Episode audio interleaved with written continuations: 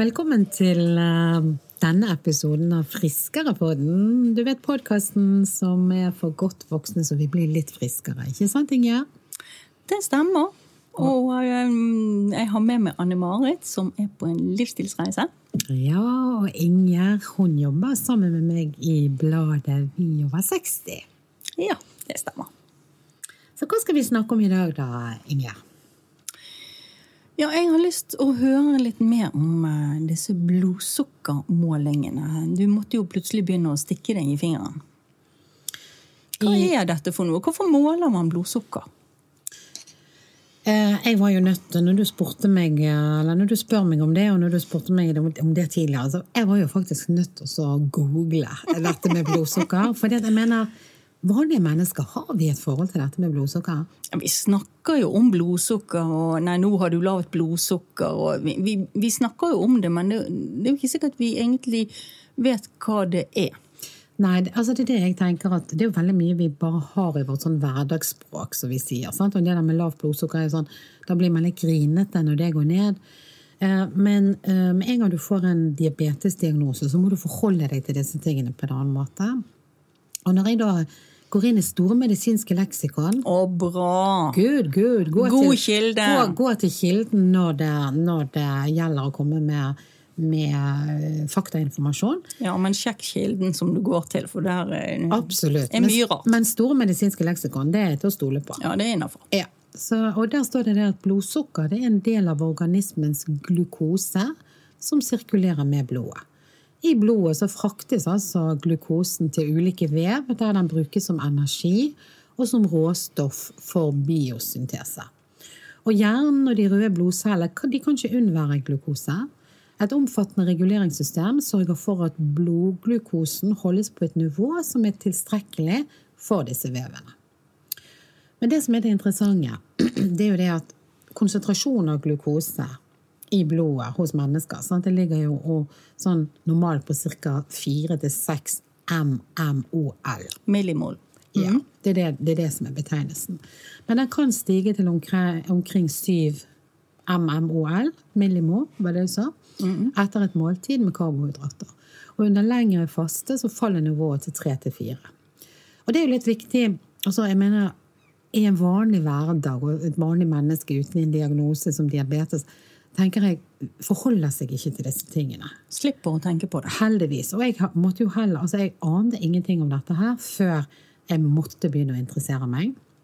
Og du vet når du går til legen og tar blodprøver, og de uh, forteller deg at det er noe som ikke, altså du har høyere verdier enn det du skal ha, så er jo det nettopp denne MMOL, altså millimol, som er en indikasjon på at noe er feil. Og jeg lå jo på 10,8 på denne MMOL. Og, um, og den skal jo, det normale skal jo være mellom 4 og 6. Ja. Og det er da du skjønner hvor høyt over 10 er. Ja, og det, og det er da altså når, du er over, når du er over seks, så har du egentlig diabetes type 2. I hvert fall når du er liksom kom på syv. Eh, og det er jo nettopp dette med å måle blodsukkeret, for det er jo det liksom hele diabetesbiten. For det, nå skal du høre videre noe som er veldig interessant. Er ja. du med? Hormonet, sant? insulin, det er jo mm. sentralt i reguleringen av blod, blod øh, blodglukosenivået. Og insulin øker jo muskelens og fettcellenes opptak av glukose fra blodet. Øker nedbrytingen av glukose og øker oppbyggingen av glykogen og fett fra glukose. Altså insulin produseres i bukspyttkjertelen, og utskillelsen stimuleres av økt glukosenivå i blodet. Nettopp. Det betyr med andre ord at dette er Eh, livsviktig for prosessene i kroppen vår. Det er en, en grunnomsetning av næring. Ja, det er nemlig det. Sånn at du kan si det at eh, det som er hele utfordringen for oss som har diabetes, det er jo det at insulinet på en måte ikke fungerer. Mm. Eh, og det må fungere. sant? Og det er jo derfor altså fordi at ellers så fører det til så mange følgesykdommer. Det, er jo det, det har vi snakket om tidligere. Sånn at det også folk om at du blir tvunget til å forholde deg til dette med blodsukker når du har en sånn diagnose. Ja. Um, så det, Noe av det første jeg måtte gjøre, det var jo da å gå på apotek. Altså Når du har fått en diabetesdiagnose, så får jo du gratis eh, apparat på apoteket. Og jeg har jo fortalt tidligere i denne podkasten for en nedtur det var for meg å gå ned. Jeg møtte en veldig veldig hyggelig mann, en uh, farmasøyt, som satte meg inn i dette her. Men, uh, og da måtte jeg egentlig bare si det at jeg må jo ha et eller annet uh, apparat. Hva kan jeg velge mellom? Og der kom jo de med masse ulike fancy ting.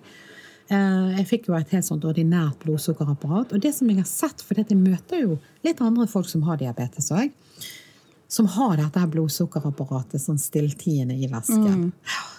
Men for meg var jo det veldig bøyg å bare få det ut derifra. Altså. Det var sånn, når jeg gikk der, for du skal jo ha med deg disse her nålene, og du skal ha med deg noen sånne små strips, og jeg fikk beskjed av legen min om at sørg for at du får nok strips, fordi at du må teste ja. mye.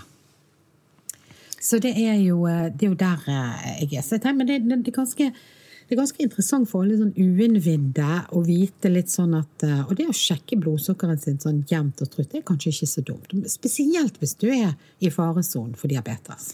Ja, jeg tenker det at hvis, hvis du egentlig har um, normalverdier, så er det egentlig ikke nødvendig å sjekke så ofte, fordi det kan jo gjøre deg litt urolig. For det, som, du, som, du leste, sant, så, ja. så, vil jo dette variere. Ja, det varierer. Men, men eh, hvis du har fått en en indikasjon på at du er insulinresistens, f.eks. Det er jo forstadiet. Mm. Da, da, tenker jeg det at det kan være lurt å gjøre. Jeg tenker nå i ettertid at jeg kanskje skulle vært litt mer bevisst på dette, denne blodsukkertematikken tidligere. Men jeg visste jo egentlig ingenting før jeg fikk vite at jeg fikk en diabetes. Jeg hadde ikke blitt koblet på at jeg var insulinresistent før jeg fikk selve diagnosen på eh, diabetes type 2.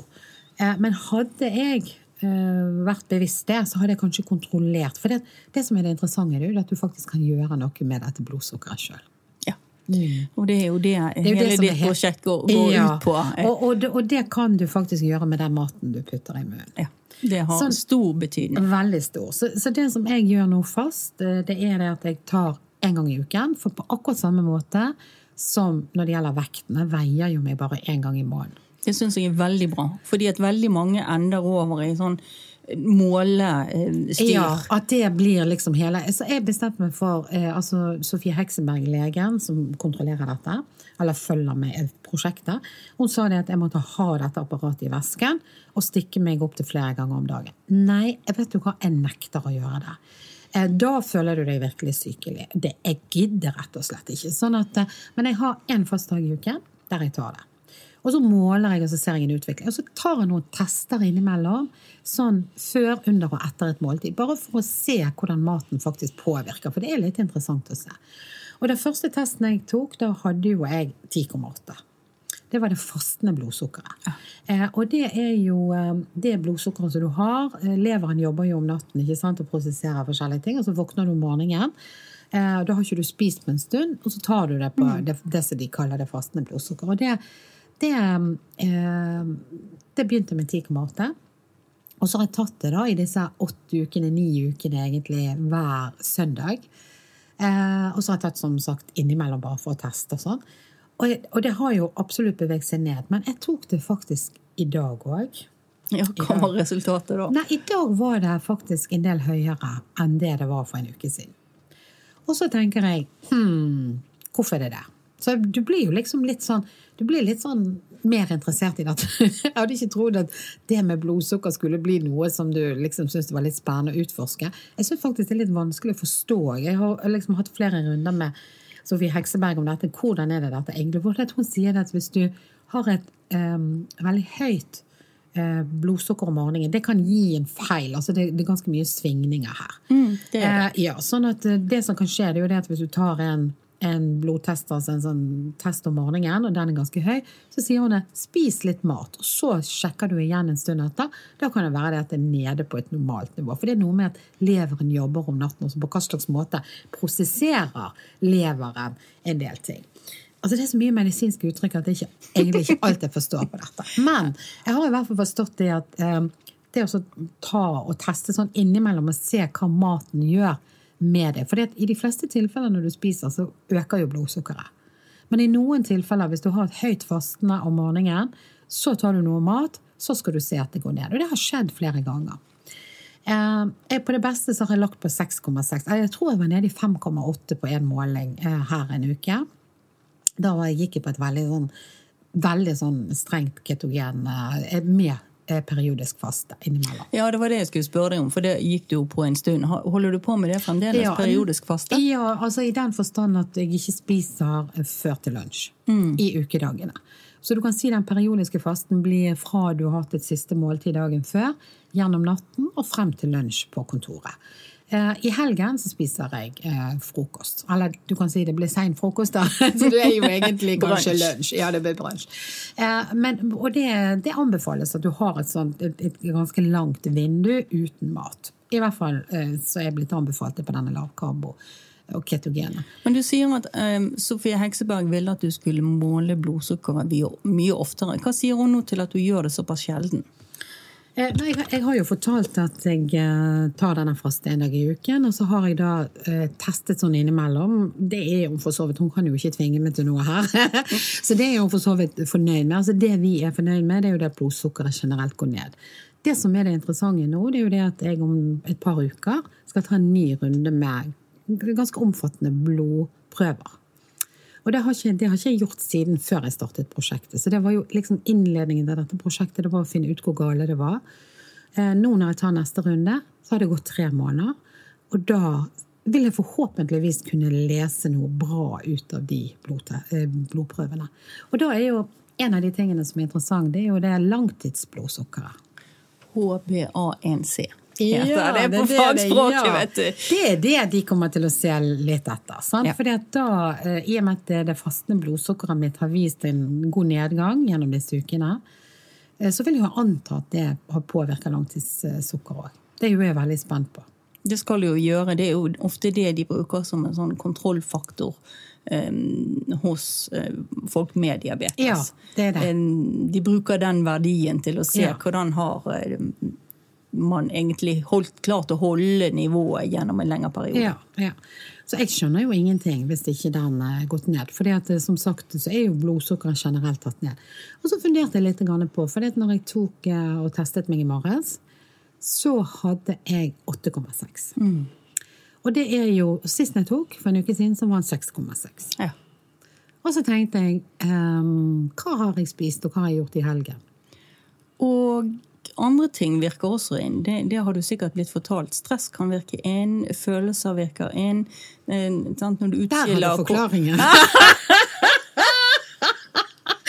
det er stress på jobben! Det er stress alle veier! Ja, der har du forklart. Ja, for det, det, ja, akkurat det du, du, sier. Du har et stresshormon mm. som heter kortisol, som virker akkurat. inn på insulinet. Ja, da, da har det virket i helgen. Jippi, da så jeg lyset! Ja, nei, men jeg tenker at ja, det, det, det, vet vi spiller inn. Og så måtte jeg liksom tenke hva har jeg spist? Da har jeg spist noe annerledes. Og da har jo jeg en skjønn datter som kom på besøk. Hun hadde laget sånn goodies til mamma, altså lavkarbogodis. da. Men, eh, så jeg spiste jo faktisk for første gang på denne dietten og på denne livstidsreisen da, eh, mørk sjokolade ja. som eh, var strødd over noen herlige salte peanøtter. Virkelig ble det en mm. sånn godis.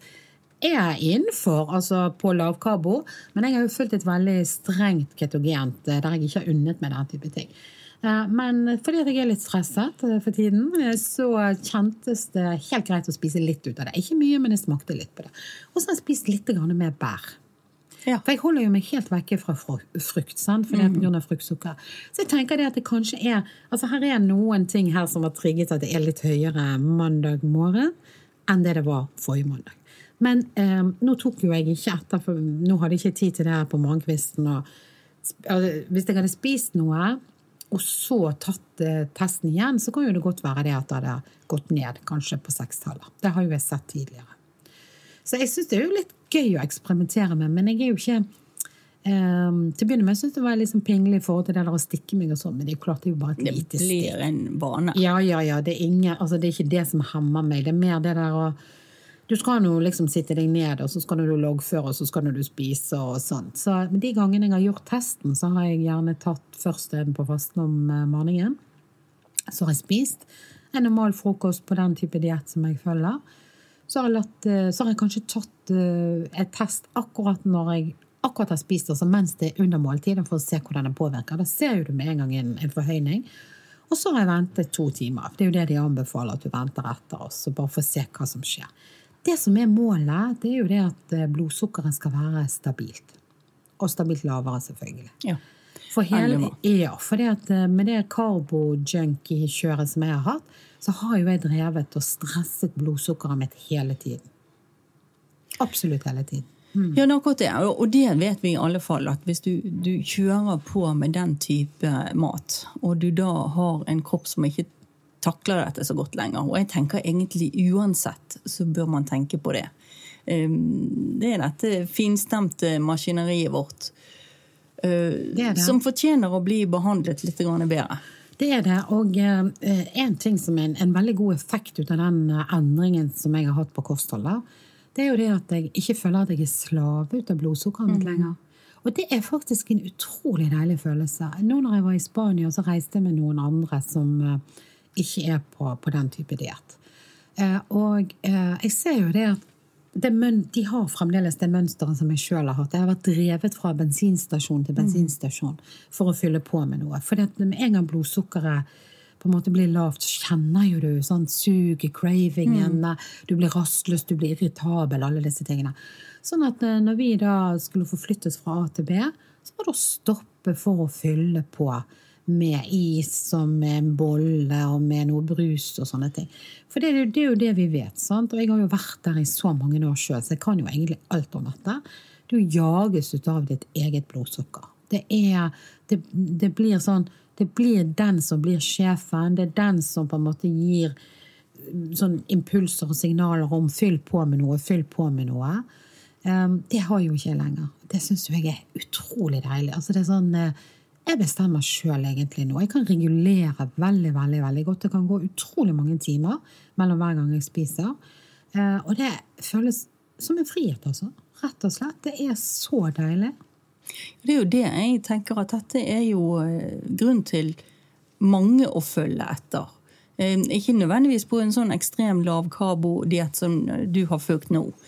Men det, det, samsvarer veldig godt med den erfaringen som jeg har hatt også. For vi er jo alle blitt inspirert eh, av eh, mm. din livsstilsendring. Jippi!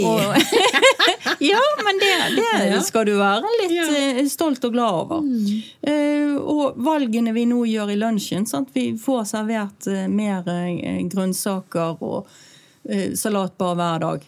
Mm. Men jeg merker også det at du du blir jevnere både i humør, og du får ikke disse svingningene også når det gjelder sult, eller det som eh, du må spørre deg sjøl om er du egentlig sulten, eller er det noe annet. Nemlig. Eh, og, det, og det, jeg syns det er kjempegøy at du sier det, der, Inger. For det var jo faktisk andre på kontoret som sa det òg, at uh, de holdt lenger etter lunsj. Mm. Og da var det sånn Ja, hva mener du med det?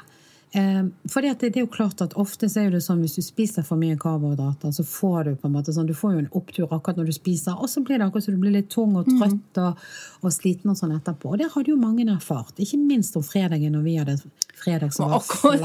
Ja. Si, ja. og, og, folk gjerne både tok én og to plater, og så var jo du helt stegen når klokken var to. Eh, og, og, nå er jo det sånn at folk føler at de kan gå direkte på trening etter at vi eh, er ferdig med jobbdagen der de var sliten før og, og trøtt og sånn. Så jeg tenker jo det at dette er bra for alle. Det, det, jeg, er, jeg, er, litt sånn opptatt ut av også eh, altså Du vet vi har snakket litt om dette med matpoliti og hva slags retninger man valgte valgt når det gjelder liksom diett og sånn. Jeg har nå egentlig bare valgt lavkarbo fordi jeg tenker det er jeg føler det er bra for meg, og jeg tenker det er overkommelig å leve med. Og jeg har sett mye god forskning i forhold til diabetesen. Men det er jo ikke to streker under dette her. Og jeg velger jo en sånn en, en variant uh, nå som jeg uh, kan leve med, men det er jo mange varianter av lavkarbo òg. Og det jeg gjør nå, er jo litt mer ekstremt i den forstand at det er litt færre karbohydrater om dagen. Men det er absolutt ikke så ekstremt at uh, man lider på noen slags måte. Og så vet jo jeg det at jeg kanskje skal kjøre en litt mer moderat etter hvert når jeg er kommet der både sånn vektmessig og blodverdimessig som jeg skal være. Men om folk teller kalorier eller velger bare å redusere litt på sukker, eller sånne ting, så vil god, det vil ha en kjempegod effekt på, på blodsukkeret. Og det er jo dette med blodsukkeret som vi er litt sånn opptatt av i dag. For det, er jo sånn, det er jo ikke ofte vi har snakket om blodsukkeret heller, liksom. Det er jo litt sånn underkjent tematikk. sant? Hva er en blodsukker? Hvem gidder å være opptatt av det? Nei, du er ikke opptatt av det før du Nei. tvinges til Nei. å bli det. Og da begynner du egentlig å, å lure på hvorfor har ikke jeg vært opptatt av dette før? Fordi at uh, det har veldig mye å si for om du har det bra eller ikke. Det har veldig mye å si for om du legger på deg eller ikke. Eh, det har med den hormonelle balansen i kroppen, mm. kjemiske prosesser. Jeg syns det er utrolig Absolutt. fascinerende.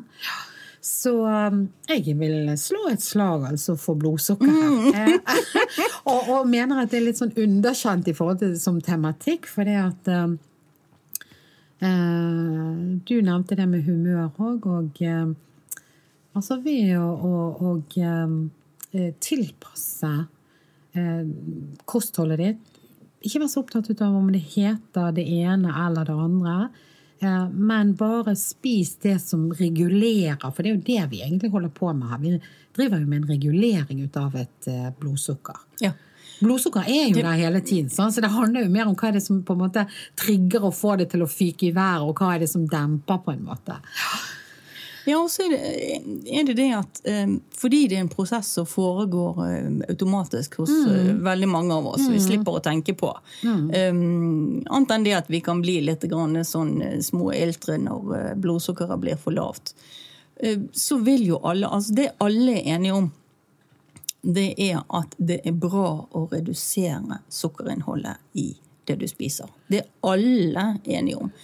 Um, og det samme når det gjelder uh, hvitt mel. Mm. Altså det, det, det, er det fullstendig ja. enighet om, uansett hva slags retning ja. og uansett uh, hva slags Og, og det er fellesnevneren, tenker ja. jeg. Altså, La det på en måte være det som henger igjen fra denne episoden. da. Litt grann, sånn, mer fokus på blodsukkeret ditt, litt fokus på å ta ned sukkeret. Det gjør, kan man gjøre. Altså, det er disse småtingene som faktisk gjør en forskjell. Og ikke være slave ut av blodsukkeret ditt. Er, da, da, løper man egentlig bare fra måltid til måltid. Da er det det som blir på en måte det, det store Det blir akkurat som et sånn press og jag om at du hele tiden må drive og fòre kroppen din og systemet ditt med noe. Eh, det føles som en lettelse å slippe det. Mm. Du kan sjøl bestemme. Jeg, jeg, har alltid en eh, bar eller en et eller annet sånn som jeg har lov å spise i væsken i tilfelle jeg skulle få et blodsukkerfall. Men det er relativt sjelden at jeg har måttet ty til det. Så jeg merker jo liksom det at eh, det fungerer. Riktig mat inn, stabiliserer blodsukkeret. Det fungerer. Og hva skal vi snakke om i neste bolk i dag, Inge? Vi skal snakke om um, ensomhet. Mm. Um, og ikke bare i negativ forstand. Nei, for det tenker jeg um, I dag skal vi faktisk ha en litt uh, Jeg vil si en litt sånn underkjent uh, ny vinkling uh, på dette med ensomhet. Um, når vi skulle skrive om det i uh, Vi var 60, så kalte vi det for den naturlige ensomheten. Kan du si litt mer om det, Inger? Ja, altså jeg fant, fant, en artikkel eh, når jeg lette etter informasjon om dette. fordi jeg synes at veldig mye, det, det, fokuseres mye på ensomhet. Og for, for all del um, Det er mange ensomme. Um, og ensomhet, ja, kan være et problem. Men det denne forskeren, psykolog Linn Heidi Lunde, som har vært spaltitt hos oss også, det hun fokuserer på, det er at er, det skjer noe når du blir eldre. Eh, at du får et slags behov for å trekke deg tilbake og reflektere over det som har vært. Sånn at hun, hun sier også at vi har kanskje et overfokus på eh, ensomhet som kun noe negativt. Ja, for hun mener faktisk det at det er en naturlig del av livsløpet der. Ja, hun eh, tenker på det som eh, både det at du vil ikke tilbringe tid sammen med mennesker som ikke tilfører deg noe lenger. Eh, du er blitt litt mer Du vet at du har eh, kortere tid igjen av livet ditt. Og da vil du tilbringe det sammen med mennesker som betyr noe for deg, noe som tilfører deg noe. Eh, og også dette at du trenger litt pauser. Du trenger litt tid til å være for deg sjøl, ikke sammen med noen hele tiden. Og, og hun mener altså at uh, dette er eh, en naturlig del av aldringsprosessen. Et naturlig behov eh, som vi rett og slett overser i den eh, moderne verden vi har. Der vi får inntrykk eh, hele tiden. Så vi fortolker, altså, vi fortolker det som en negativ ensomhet? Ja, som kun er negativ ensomhet. For, for, igjen, altså for all del. Eh, der er noen som sitter alene og gjerne skulle ønske at de ikke var det. Eh, og det er jo ikke det hun mener. Men det er at du behøver ikke være eh, veldig oppsatt på å være sammen med noen hele tiden og, og kjenne på at det skulle være noe galt. For det, det kan være at du har eh, behov for den stillheten, den indre stillheten. Rett og slett en indre refleksjonsreise ja. da, som man har. Men kan ikke vi snakke litt om forskjell på det å være alene og det å være ensom? Ja, for det er to forskjellige ja, ting. Ja, det er to forskjellige ting. det er, du kan kjenne deg så ensom som ensom, både sammen med en annen person. Eh, enten det nå måtte være ektefelle eller samboer eller hva det måtte være, i et forhold som ikke fungerer lenger, og som du føler at den andre personen forstår deg ikke lenger eller um, i et selskap sammen med mange mennesker som, som, du ikke har noe Du kjenner ikke at du har noe til felles med dem. Um, du kjenner deg veldig annerledes. Det kan gjøre at du føler deg um, ensom, men du er aldeles ikke alene. Mm. Så det er ikke noe likhetstegn mellom de to tingene. Men hvis du skal beskrive, hva er egentlig ensomhet? Det, det, er en uønsket følelse av å være alene. Altså, det er um, Du føler deg utenfor tilsidesatt. Uh, du ønsker uh, kontakt med andre, men, men, du får det ikke.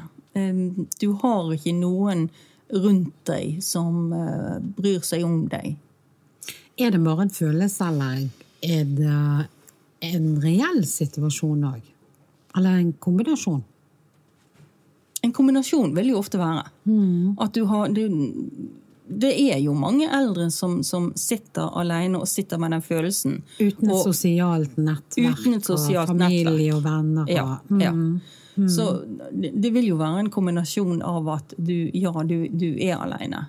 Men sånn igjen um, Du kan altså være sammen med noen. og det du kan være i et miljø der du også kan føle deg veldig veldig ensom. Ja, altså du, du kan si um, du kan, uh, altså, du kan føle deg ensom. Uh, og den følelsen er jo det bare du sjøl som har. Ja. Er det en genetisk disposisjon her? Altså vet vi, er, er, det om noe, er det noen som er mer tilbøyelig altså rett og slett fra naturens side å få denne følelsen av ensomhet?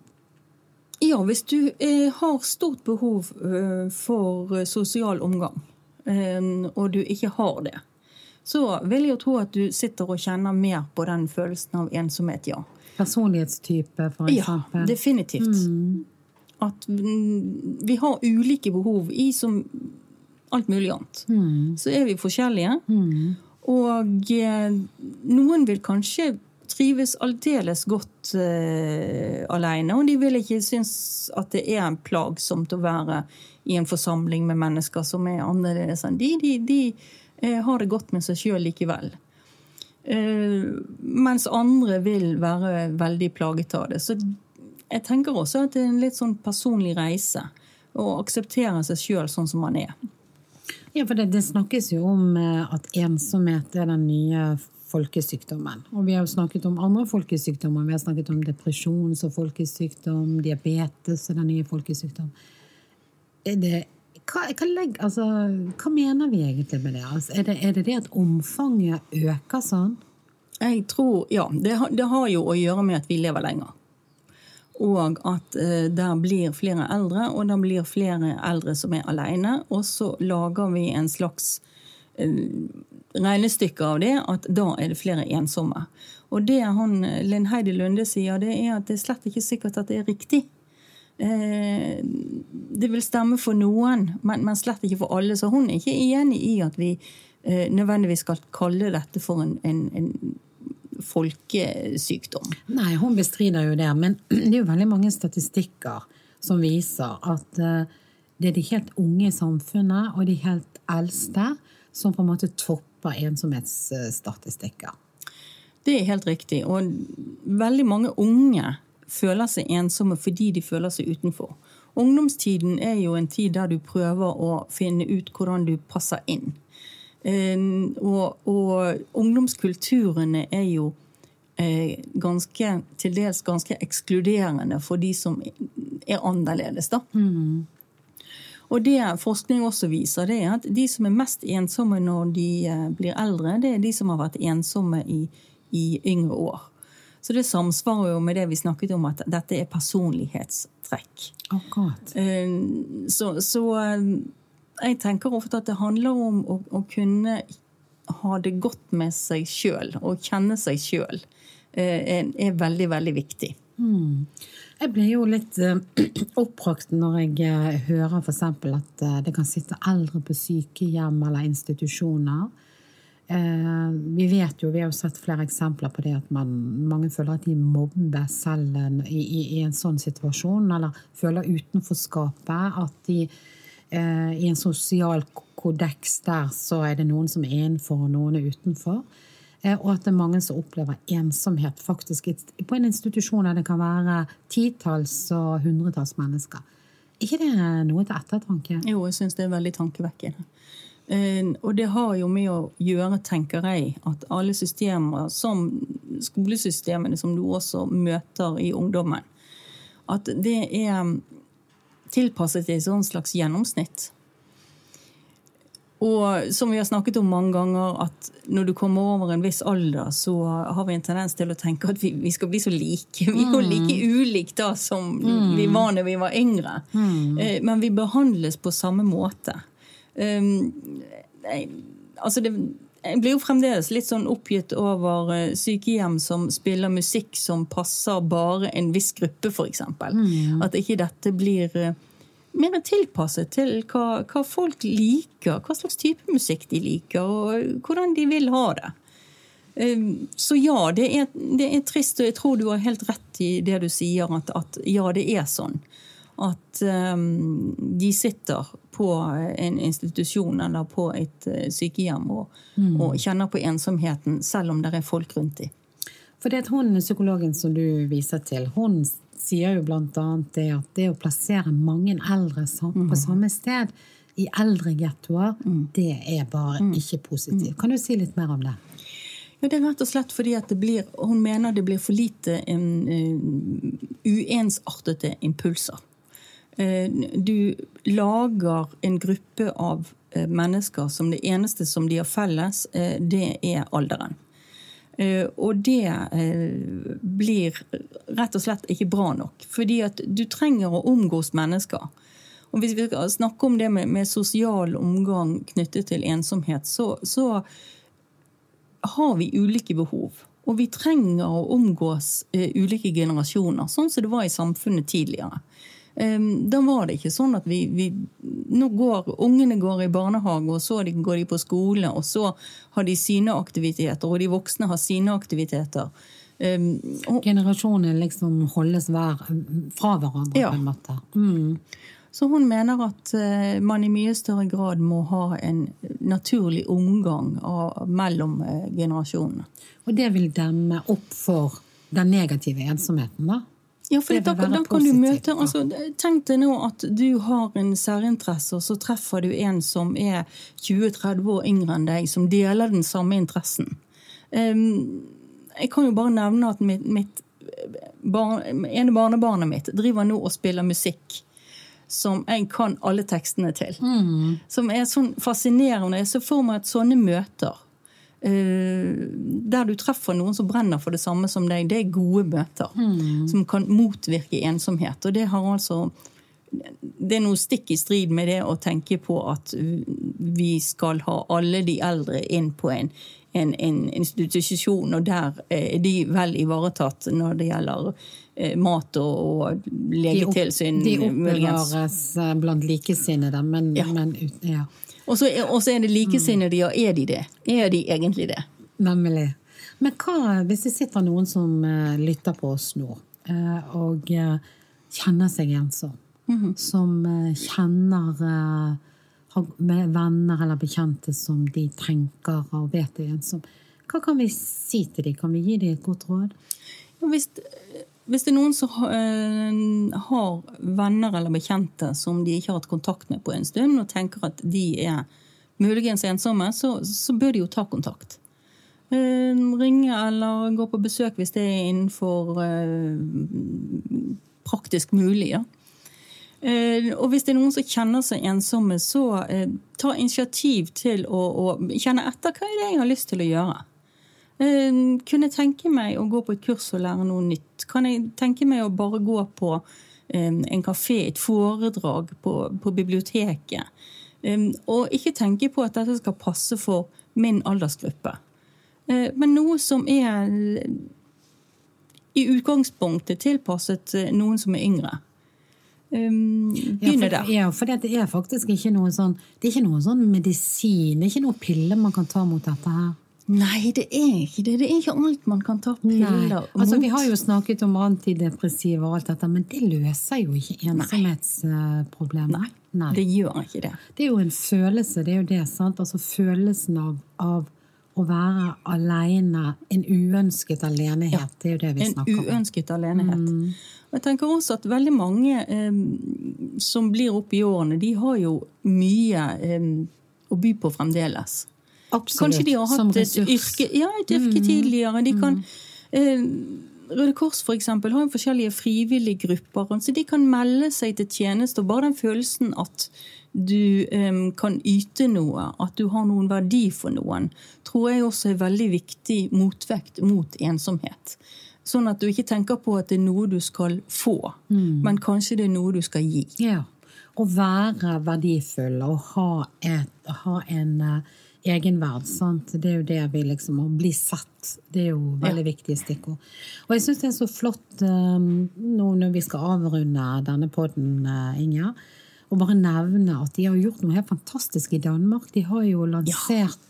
Det som heter ensomhetsbevegelsen i Danmark. Ja, det stemmer. Eh, og det kommer vi til å skrive om i magasinet òg, men det er jo et fantastisk tiltak. Det begynte med at i én dag i året inviterte noen ut å spise. Det var en sånn Spise sammen-dagen, het det.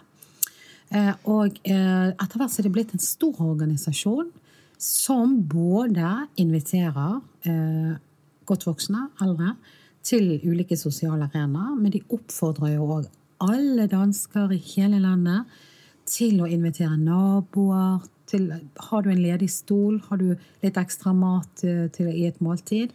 bank på den døren eller inviter den naboen som du vet bor alene.